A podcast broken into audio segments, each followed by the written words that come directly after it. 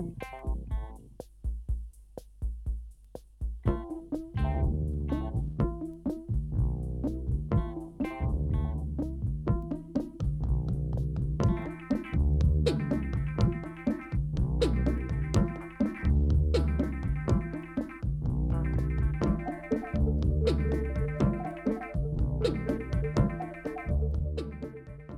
er alltaf eitthvað að fá mönnum bara sem þarf að opna Facebook þegar að bossin gengur fram hjá sko. Það er ekki stæð fyrir að loka það sko.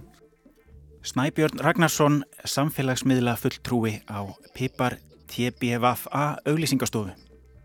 Ég er svo mikið bara að vinna með Facebook að það er mikið stór partur af því og, og stærstur partur af því jobbi er að, að sjá um Facebook fyrir fyrirtæki og stofnanir og, og af alls konar, alls konar stærð og, stærðum og gerðum. Bæði bara svona daglega restur, bara svara því sem kemur upp og og svona að setja eitthvað, eitthvað skemmtilegt inn bara og viðhalda samfélagsmiðlunum og því flæði sem að, sem að þar, þar þarf að vera. Og svo bara eins líka bara vera kreatífur og koma með svona sína frumkvæði því að, að fyrirtækinn hafi eitthvað að bjóða og, og hvernig er best að koma þetta í skila og hvar peningunum er best, best varið sko því við alltaf erum að sísla með fullt af, fullt af fjármunum inni, inni líka. Þetta er ekkert lengur bara, bara til, til að hafa mikið með amalið og búið. Þetta er alveg viðskipt á tæki sko það er að gera hans í marst af það Eða það? Já, það er, við, við, við til að mynda fullt af stórum herrferðum sem fara engöngu fram á, á samfélagsmiðlum hjá okkur. Á móti kannski fyrir örfáum ára síðan þá hefði, hefði sko, allur penningurum því farið beint í hefðbundari miðla, skulum við segja, ljósvaka og prentmiðla sem allar nú að lifa endalust. Sko. En þetta er að færast meira og meira yfir í þetta, yfir á samfélagsmiðluna. That's uh, wrong, don't you see Það er þetta að líta á netið sem tæki og það eru rauninni bara hægt að, að, að líta á farsímabildinguna sem ákveðið tæki sem er hægt að nota í mótumælum. Guðni Elísson, professor í almennri bókmyndafræði við Háskóla Íslands og við, við sjáum þetta ofbáslega vel hvernig til dæmis má nota þetta í nafni líðræðis og mannréttinda eins og bara til dæmis í því e, þegar við sjáum það sko dag eftir dag hvernig til dæmis e, ótvírægt ofbeldi bandarískra lögjæslu manna gegn borgurum landsins er sínt uh, og við uh, uppgötum okkur til skjelvingar að, að, uh, að það er verið að drepa hundruð bandarískra borgara út á gödum og uh, þa þannig uh, má sko líta á bæði netið og, og sko stafrænu byltinguna sem ákveði svona ögunar tæki sem er, sem er þá beitt gegn hardneskjulegu uh, lögjafar og ríkisfaldi. En við verðum líka muna að þetta ögunartæki sem við getum kallað þá 300 miljónir færanlegra myndavila að því má líka beita gegn þegnunum í gamlu kommunisturíkjunum var stundu sagt að helmingur uh, þeg, þegnana væri að njóstnum hinn helmingin og maður getur rétt ímyndið sig hvernig það verður þá þegar veist, allir eru konum með myndavélar. Þannig að með þetta er svo allt annað að þetta eru bara tæki og þau má nota til góða svílis and get them to do things that you want them to do, which is mainly to make money for this special group two people control, both you and him. You're, uh, I'm just trying to let you talk long enough so I can detect your motives. The only reason I want truth. Þegar við deilum efnin okkar á samfélagsmiðlum og þá er það náttúrulega, tekur lesturinn alltaf kepp, þannig að það er þannig sem að hérna, almenn fréttir og greinar eru að dreifast og komast til lestur. Ingi Björg Dögg Kjartansdóttir, reittstjóri Stundarinnar.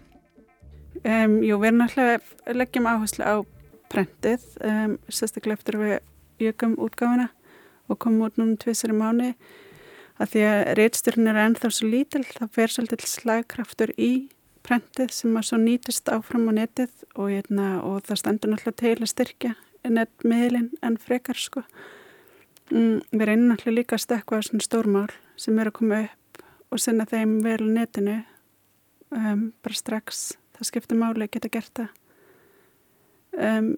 eins og þetta máli í sambandi við albansku fjölskyldirnar. Ég held að það hefur skipt sköpum þar að geta tekið bara fyrstum tökum og fyllt um, því eftir nánast í raun tíma að það er að segja að við fórum á vettvang þegar það var verið að hérna, flytja fjölskyldunar úr landi og náðum myndum af því þegar hérna litli drengurinn sem er langveikur og, hérna, og var óvist um hvort hann geti fengið með fyrir því albaníu er enda mjög litla líkur að því hann geti það. Að þegar hann stendur í dyragættinni og býður einhvern algjörlega umkomum laus eftir því að lauruglan komið sækjan og hérna já, horfur einhvern mann svona út í myrkrið með litla bonsin sinn sem að hérna vinnur sæði gefa honum. Ég veit ekki, það geta byrt þessa mynd strax, það er náttúrulega skiptið svolítið sköpum fyrir umræðina held ég. Að því þetta er eitthvað sem fólk getur tengt við um, á annan hátt heldur en ef þú bara segir fréttina af því og hvað það þeirra fjalla svona kerfislegt um svona mál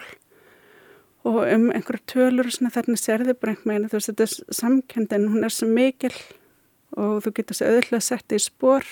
þessi drengs og þessara fjölskyldu og þú getur sé börniðin fyrir þér í þessum aðstæðum þannig að því leiti held ég að skipta mér miklu máli að geta emitt sett, sagt fréttinu strax og, hérna, og á þessum miðlum nota þessa miðla. Þá þessi ekki okkur litverk, þá er þess að þú veist samfélagsmiðla notendur sem taka myndinu og dreifin út um allt. Það verður hérna rosalega mikil umræða sem fyrir stað, mjög svona kröftug um, mótmáli gegn þessar aðgerð um, og maður veltiði fyrir sér að ef þessi fjölskylda hefði ekki átt sko hérna málsvar hér í Íslandi þessi maður sem að hérna ennur fjölskyldan var að vinna fyrir um, ef við ekki tala hennar máli og komið okkur í samband við hennar þannig að við hefum getið verið á vettvangi þegar þetta gerðist um, hefðum þá einhvern veginn komið aftur til Íslands? Að því að við sáum líka bara hvernig ráðamenn bröðist við þegar töluðu bara um að þegar þetta fólk var andlit þá verður þetta svo erfitt. Og það hefur fengið stingi hjartað við að sjá myndirnar. Um, svo tekur hérna, er þetta tekið upp í allsar nefnd og fjölskyldurna fá ríkisborgarrétt og maður veldi fyrir sér ef, ef hérna, hefði, ef það hefði gerst bara í myrkrunu, ef það hefði ekki átt neitt málsfara hér á Íslandi og ef það hefði ekki engin verið á vettmangi þegar þetta gerðist um, hefði þá, þú veist er mjög líklegt að það hefði bara ekki komið eftir til Íslands. Og er það búið að flytja mörg langveg börn úr landi? Þú veist hvernig hafa aðstæður þess að fólks verið sem við erum að senda börn og, og það er náttúrulega bara þannig að þú veist það er svo auðvöld að brjóta fólki í myrkri. Og einhvern samstæðan svo gott vapn gegn óréttlæti. Sko, ef, ef við tölum til dæmis um það hvernig eh, miðlunum er beitt hérna heima á Íslandi það má kannski kalla það þar meira svona lausbeislað aðgerðastefnu. Eh, það sem ég á við með því er það að eh, ef við, ef við hugsaum til dæmis um allar þessar skoðanakannanir eða áskoranir sem eru verið að senda út á netið að, að þeir einstaklingar sem skrif undir áskorunina er ekki endilega í samtökum og deil ekki einu sinni endilega með sér ákveðinni hugmyndafræði. Þeim er bara smalað saman á fésbók eða eftir einhverjum öðrum leiðum og þetta er ekki grænfríðungar þetta er ekki rótækir feministar þetta er ekki rótækir dýraverundunar sinnar eða í, í, í samtöku, samtökum homo og lesbi eða eitthvað þess áttar en þetta er samt aðgerðastefna í þeim skilningi að þetta er orðin viðurkendur tjáningarmáti í íslensku samfélagi þar sem miðullin hefur gert þetta tjáningarform tiltölu og auðvöld og það er óspart nota til þess að koma skoðunum á framfæri skapa þrýsting, skapa umræðu, færa viðmiðunaramma. En, og þetta kannski skiptir líka aftur máli, að e, í sömum tilvikum þá er svona, svona skoðanamyndun beitt taktíst. Það er að segja, hún gengur út á það að setja fram órænhæfar kröfur til þess að ná fram öllu því sem þrýstihópurinn í raun og veru vill ná fram. Og hvað hættan við soliðis aðferðafræði er að hún byggir á sjónarspil og blekkingum, tilgangurinn helgar meðalið, það verður að flytja umræðun eitthvað annað heldur en hún nætti í rauninni að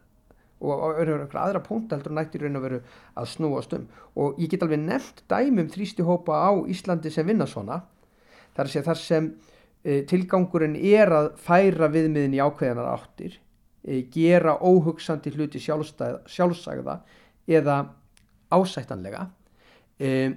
en aftur þá sko vakna þá spurningin um það sko er umræða sem snýst í raun ekki um það sem hún virðist er að snúast um hendug eða ásættanleg eða eftir sóknarverð um, svo líka annað að þessi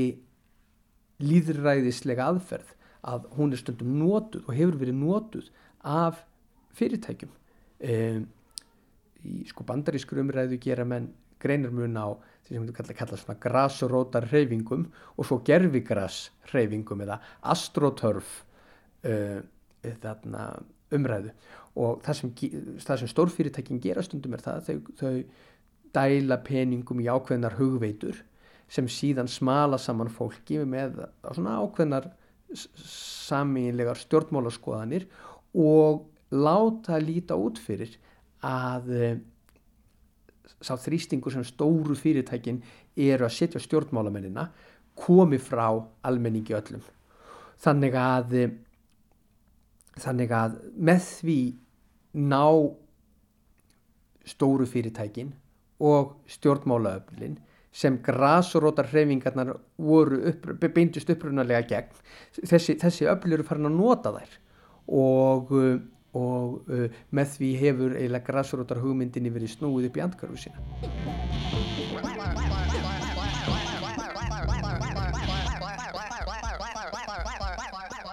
Það er, það er alveg til dæminu að, að fyrirtæki auglýsi bara á til dæmis eins og Facebook sem er kannski svona upplöfast í miðlinn hérna heima en þá allavega. Það er alveg til dæminu að bara auglýsa frekar bara, bara staðfastlega og augljóslega þú veit að auglýsa út bara koma frá þér hérna þessi vara hér er á tilbúði, konto kiftana og það er ekkert að því. En þetta býður náttúrulega upp á hins vegar miklu meira svona miklu meiri svona miklu meiri svona þáttöku hjá þeim sem les og skoðar og, og svona kannski svona meiri skemmtilegheit og, og líka svona alvöru skemmtilegheit ekki bara svona eins og maður sé stundum auglýsingar sem eiga að vera svona finnar svona sjómasauglýsingar og svona og þar eru það kannski, en þar eru samt bara að selja þær eitthvað sko, á meðan að þú getur svolítið á samfélagsmiðlunum búið í alvörun eitthvað til sem er bara bísna skemmtilegt sko, sem þjóna svo náttúrulega í okkar vinnur náttúrulega á endanum þjóna þeim tilgangi að einhver kaupi eitthvað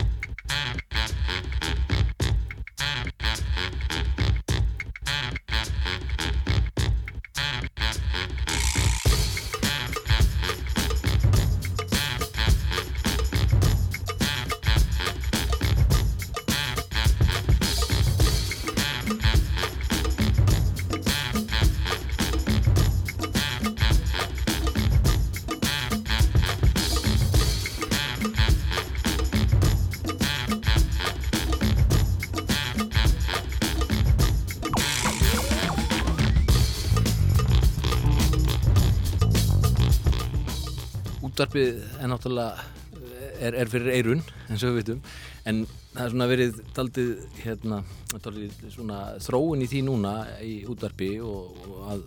að reyna einhvern veginn að sjóngera útvarpið. Að því að Facebook núna til dæmis er, er daldið mikið þegar kannski tekið eftir því að það er mikil aukning á vídjói, myndböndum á Facebook. Frank Hall dagsgrástjóri á Rás 2 Já, þróunum hefur svolítið þá átt að reyna einhvern veginn að sjóngera útvarpið. Hvernig svona einhvern veginn vekju við myndrænt áhuga útvarfi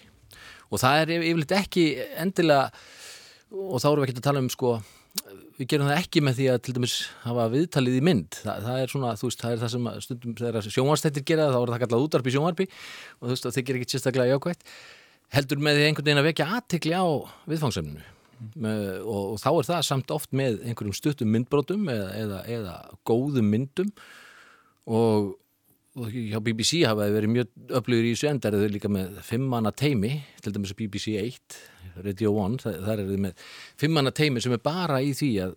að koma efninu til skila á samfélagsmiðlum. Og já, og það, það er gert með ýmsum hætti sko. Og yfirleitt svona já, gullna reglan er kannski einmitt svo að vera, reyna að vera frumlugur og, og, og vera með svona óvænt, óvæntan álgun á efnið. Aðra, jafnvel aðra, allt aðra en er síðan kannski, ef þetta er viðtal, allt aðra en er í sjálfu viðtalinu til dæmis. Þannig að netmiðlar eru notaðir til að veiða hlustendur? Já, já, veiða hlustendur og líka kannski bara að vekja, segja sko, banka á dittnar og segja við erum hérna ennþá sko, útvarfið, það er líka svolítið það sko Sko, þeir sem eru á Twitter hald, halda að það séu allir sko. og ég er ekkert að gera lítúr í að það er fullt að gerast á Twitter. En, en það er ekkert flókinn starfæði að Twitter á Íslandi er ekkert rosalega stór miðil hann er mjög skemmtilegur eins og það er og það er mjög margt,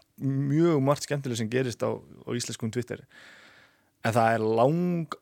starst í kringum svona einhverja viðburi ef það er sagt, Eurovision eða einhver íþróttakeppni eða eitthvað svo leiðis þá svona hópa menn sér svolítið um það að fjalla um þetta það sem er að gerast á Twitter. Og það er mjög skemmtilegt að fylgjast með því. En Twitter hefur aldrei náð þessu, þessu ofbóðslega flugi hérna heima eins og, eins og til dæmis bara bæði Breitlandi og Bandaríkanum sko. það sem að Twitter var allavega stærsti miðli bísna lengi, ég veit ekki alveg hvernig það stendur, stendur núna, það er nú aðeins missvísandi hvernig hérna hvernig maður að lesa úr, úr konunum bísna marga kannanir sem segja núna að Twitter sé á niðurleið en svo sér maður þetta alltaf og stundum snýsta við og stundum ekki og... en og við hefum svo verið að rýna þessi í þetta sko af hverju Twitter hafi ekki náð svona miklu flugi hér eins og, eins og, eins og hérna eins og annar staðar.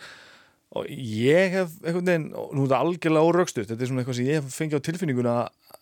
að Twitter til dæmis eins og tökum bandarækja sem dæmi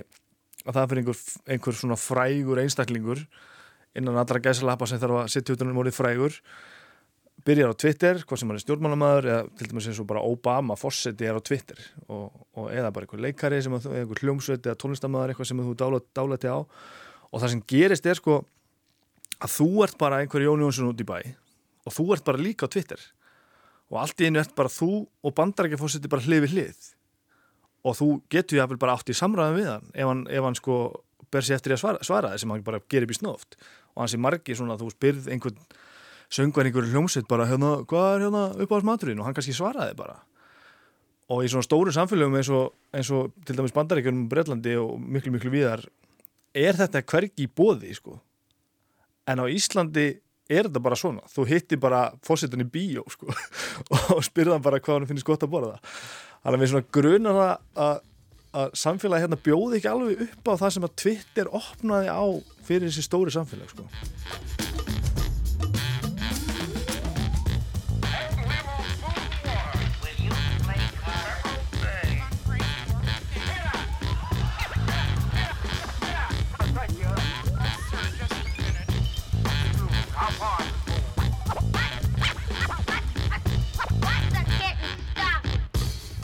Jú, jú, við þurfum auðvitað að tala um þetta og það, það má kannski segja eins og tækni, tækni framfæriðnar hafa verið svo örar að við höfum bara ekki náð og einhvern hátt að, að melda þær og gera okkur grein fyrir um, afleiðingum þeirra. Og uh, það má kannski segja að með allir í þessari sko byltingu sem hefur orðið í miðlun að henni fylgir ákveðin svona hvað sé líðræðisleg ábyrð og þessa líðræðislegu ábyrð má til dæmis sko, færa yfir á mótmæli. E, ef við sem borgarar í þessu landi ætlum að taka okkur ákveðið vald til þess að hafa til dæmis til þess að beita stjórnvöld þrýstingi þá verðum við að vera upplýst. Og uh, við verðum að skilja það að mótmæli sem byggja til dæmis á vannþekkingu að uh, þau eru ekki til góðs. Við gætum til dæmis tekið okkur saman og, og, og hafið mikla mótmæla herrferð gegn e, bólusetningum e, þar sem við sko virkilega trúum því að, að bólusetningar skadi fólk og þá verður þetta sem sagt, mótmæli sem byggðu á einhverjum svona hugssjónum en hugssjónirnar væru byggður á vannþekkingu og, uh, og væru því og því væru mótmæli skadileg þannig að uh, um leiðu við færum valdið í hendurnar á borgurunum þá verðum við um leið að minna borgarna á það að þeir verða að afla sér. Þekkingar þeir verða að afla sér upplýsinga um hlutina áður en þeir bregðast við. Ég mun áður fyrir það voru náttúrulega voru við bara svolítið mötuð af, af hérna, við veldum blöð sem við vildum lesa og lásum þau þegar þau koma út. Um, við hlustum á, á fréttir þegar þær voru hérna, þú veist, spilaðar Núna er þetta bara þannig að þú getur valið hvað þú lest og hvenar og þú getur fengið bara úrval greina einhvern veginn inn í njúsvita eitt þar sem þú situr við tölvun og ert bara að vinna þína vinnu og það ert ekki að spána eitt mikið í það, þú bara klikkar á það sem þér finnst áhugavert. Um, það er náttúrulega líka það sem fólk hefur verið að deila það er þessar eitna, fyrirsagnir sem að hafa þá verið að reyna að grýpa þú veist þetta að, að eitna, þær séu sko meira lýsandi fyrir innhald fréttarinnar og ég held að það sé reyndar upp á fólk haldi áfram að klika meilin þá er það mjög mikilvægt. Eh, það er mjög mikilvægt hérna, fólk verður mjög pyrrað ef það klikkar á einhver svona mjög áhugaverða linga sem að hérna, reyns og ekki hérna heldur neitt áhugavert efni. Jújú, það er talað um smelludólka Um eitt smelludólkar, þeir eru hérna, ekki mjög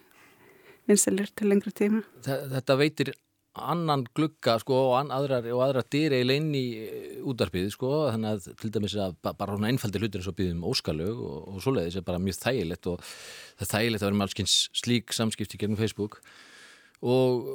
og svo náttúrulega líka einmitt þetta að myndgera útasefnið stundum getur að verið sko til dæmis þegar að koma hljómsittir það það er oft mjög vinsalt efni þegar að til dæmis í stúdíu 12 þegar að koma hljómsittir í stúdíu 12 þá er þegar það tekið upp og síðan er því dreift á samfélagsmiðlum þá, þá er það mjög vinsalt efni. Og þannig að, þannig að þetta er svona þetta er svona, hvað maður segja þetta er svona viðbót við útarpið verður svona, það, það, það gerir það já, það er svona breykar það eins og stekkar getur kerði í svona bestu tilvíkum sko. Það sem að kannski líka lifir öll lengur heldur en bara á meðan það er í loftinu. Já, og auðvitað, einmitt, já, okkur það getur lifað svona, mm. já, einmitt Hvert, um, þú nefndir hérna BBC, hvert, hvert stefni hvert stefna þessir hefböndu miðlar í, í, samvinnu við uh, samfélagsmiðlana? Uh, sko þar til dæmis á BBC 1 sko, þá, þá eru þeir með uh, stefnu sem er hérna, hlusta, horfa, deila það er, eiginlega, það er svona heilug þrenning hjá þeim sko, að, að allt efni sem þau velta fyrir sér og er að, að, að koma frá sér er, er fyrsta lagi hvernig náttúrulega útvarpið því hvernig hlustum við á það og hvernig horfum við á það hvernig mynd gerum við þetta út af söfni og svo hvernig og hvar deilum við því. Þannig að þetta er uh, þeir vinna svona þessari stefni núna sko á, á Radio 1, það er náttúrulega er, það er sá miðl sem á að höfða til yngstu kynslaðarinnar sko í, í BBC þannig að það er svona augljós hvað maður segja, það er, það er svona alveg augljós stefna að er ekki, þetta er ekki bara útarf lengur þetta, er, þetta fer víðar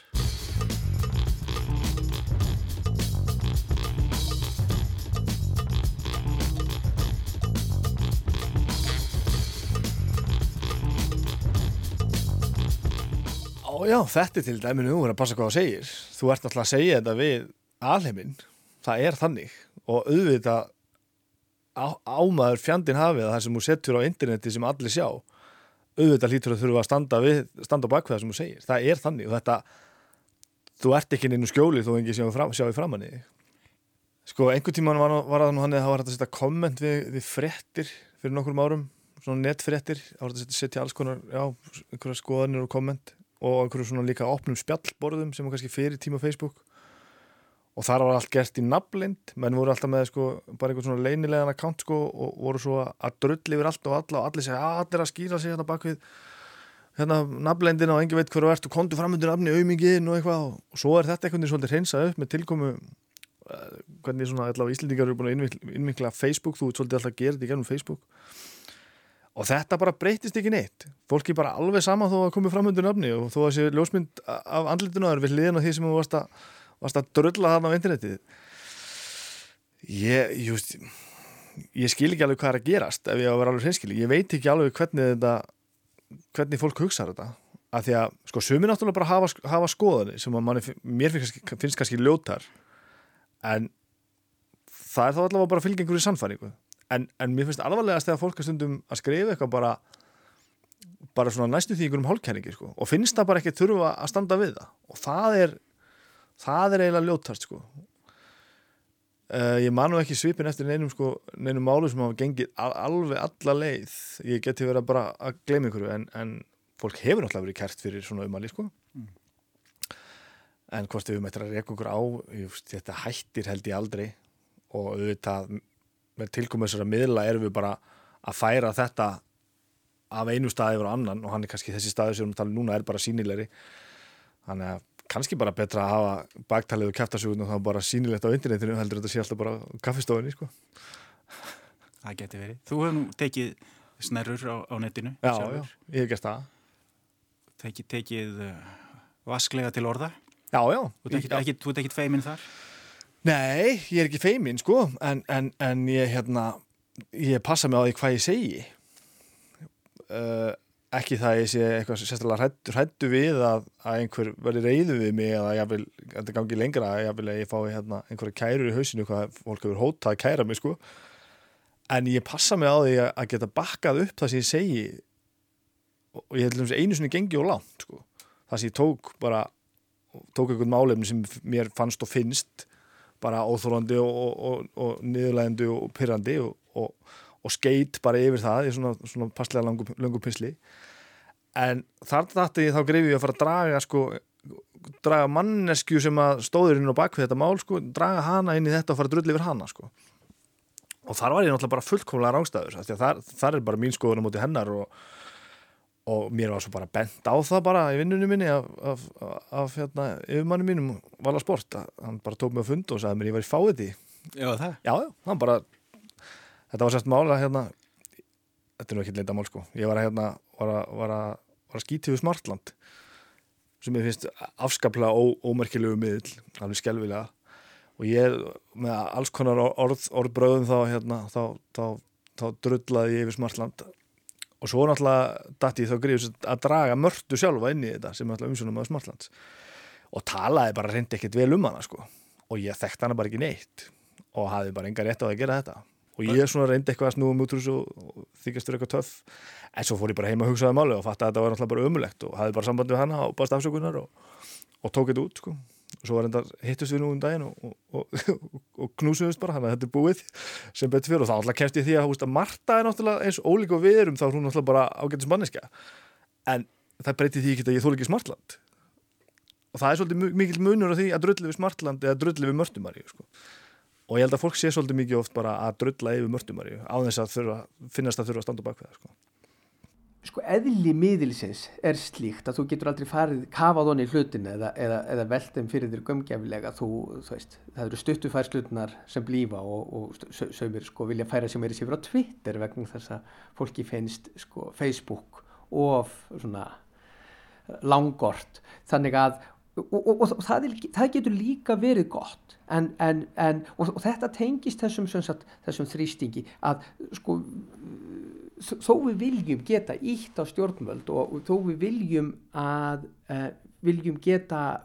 svona haldið stjórnmálamönnum landsins við efnið og embættismönnum landsins við efnið þá verða stjórnmálamennir og embættismennir líka standi lappirnar og þeir meg ekki láta snúa sér eins og skopparakringlum bara hver, hvernig sem vindurinn stendur því það eru ákveðin svona grundvallar mannréttindi sem verður alltaf að hafa í huga og stundum er umræðan óupplýst.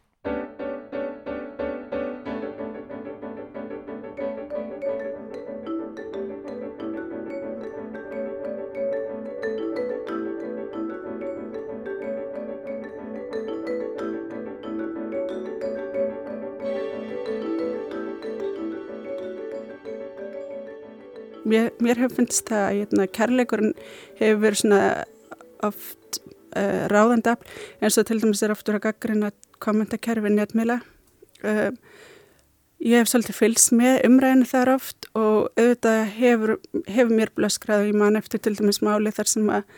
kona á Ísafyrði hafiði hérna, kert mannin sinn fyrir nöðukun og samfélagið eða fjölskyldan hans hafði snúist gegninni við sagðum bara mjög svona kerfislega frétt af þessu, við sagðum bara fréttina af domnum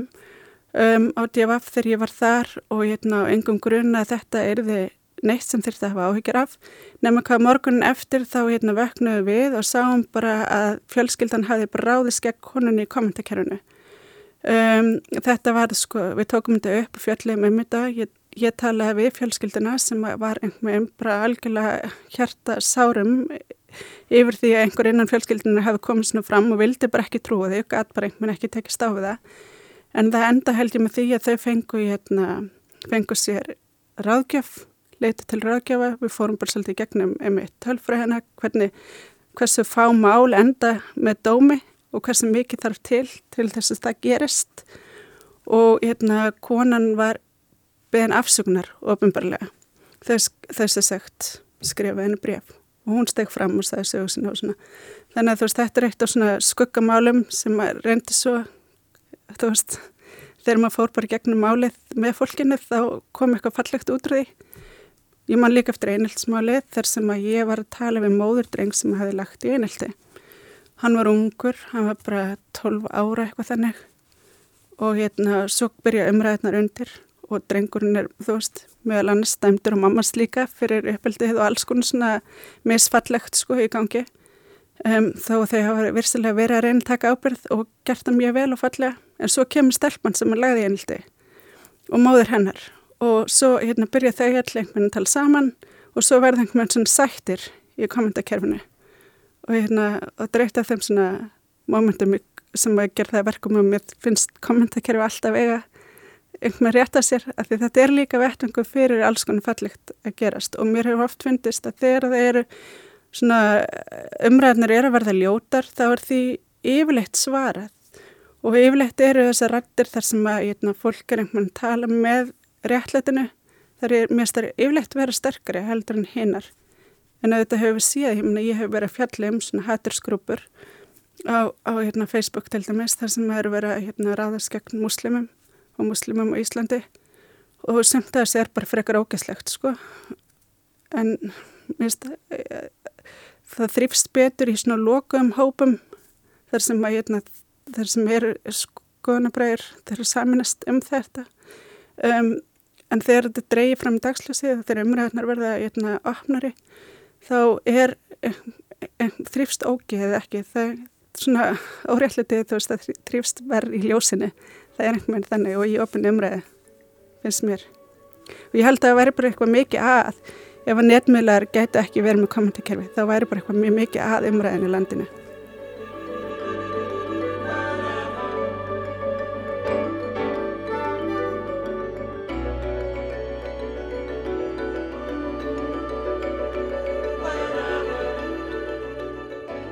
Sko, ég held að með öllum nýju miðlum komi, komi fram uh, ákveðin vandamál sem uh, erfitt sé að taka á og, og það, það má kannski líka segja sem svo að það sem gerir Facebook erfitt er að, uh, að fólk uh, að, að til dæmis pyrringur sem áður kannski einskorðaðist við morgunverðarborðið er allt í nú komin á netið og er allt í nú orðinu ofinber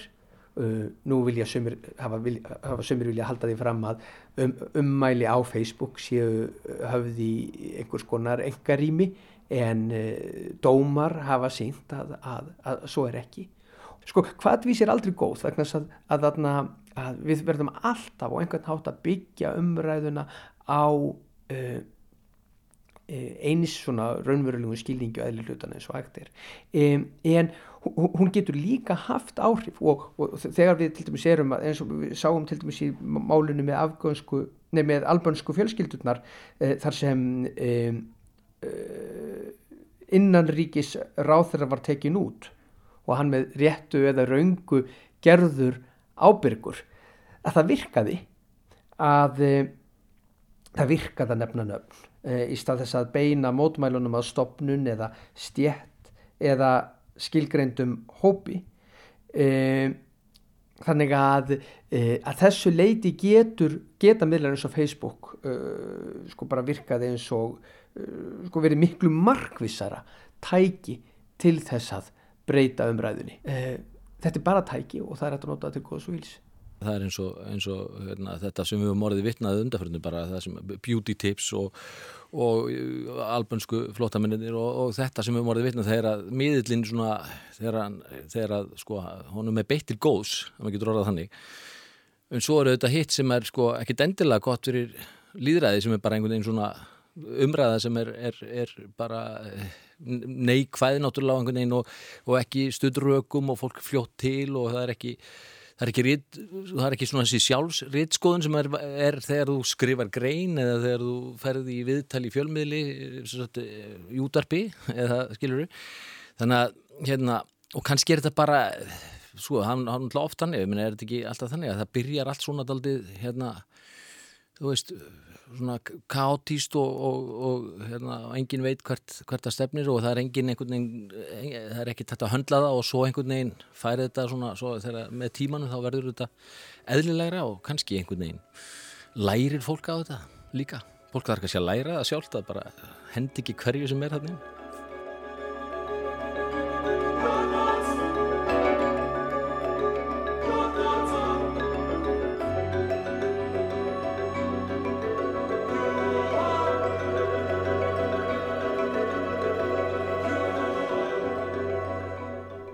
Já, það er spurning hvort að við uh, getum talað eins um sko mannhatandi netnýðinga og haturs orðræðu hvort að uh, þetta sé meira áberandi núna eftir stafræna byltingu í íslensku samfélagi eða er það bara blekking? Er þetta sama eða, eða svipað fólk með svipaða skoðanir að töða um sömur hlutina, það er bara nýrmiðil eða hefur þessu hefur viðmiðunarammanum nikað til þarna? Þetta er erfið spurning. Veist, að hluta til er þetta bara allt komið upp á yfirborðið. Það sem fólk kannski þusar yfir, e, eins og ég sagði áðan, þarna, þusar yfir með morgunverðarborðið, það sést núna nýður og skrifar það. Og þegar það er búið að skrifa það, þá er þetta prentað út og það er þetta að lesa það aftur og aftur og aftur og aftur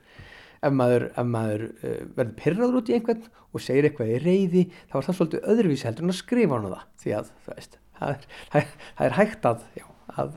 að minna sjálfan sig endalust á það hvað var sagt um hann. Þannig að þessu, þetta, þetta eru þetta munur. Um, um, hvort hann liggur í því að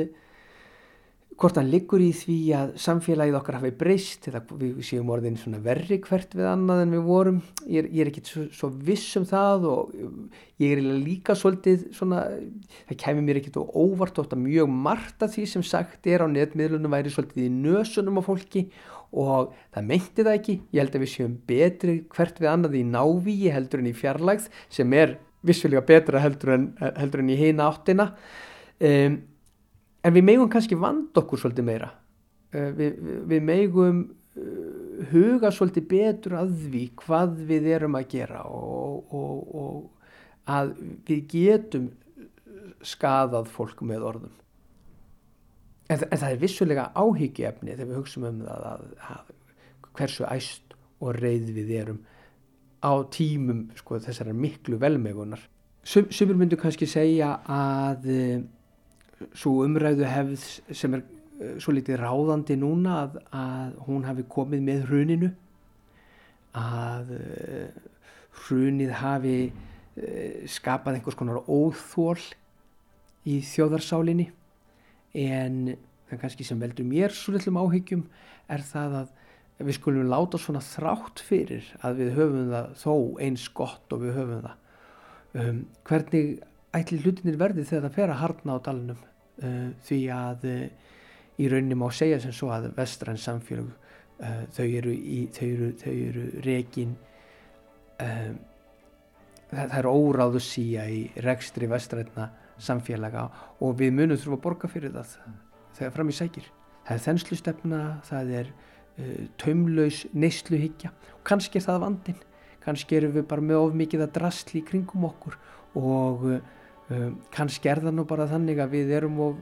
háleitar andans verur til þess að geta þrifist í öllu þessu drastli kannski lið okkur bara miklu betur ef við hættum að hugsa í hagvexti og vittlisu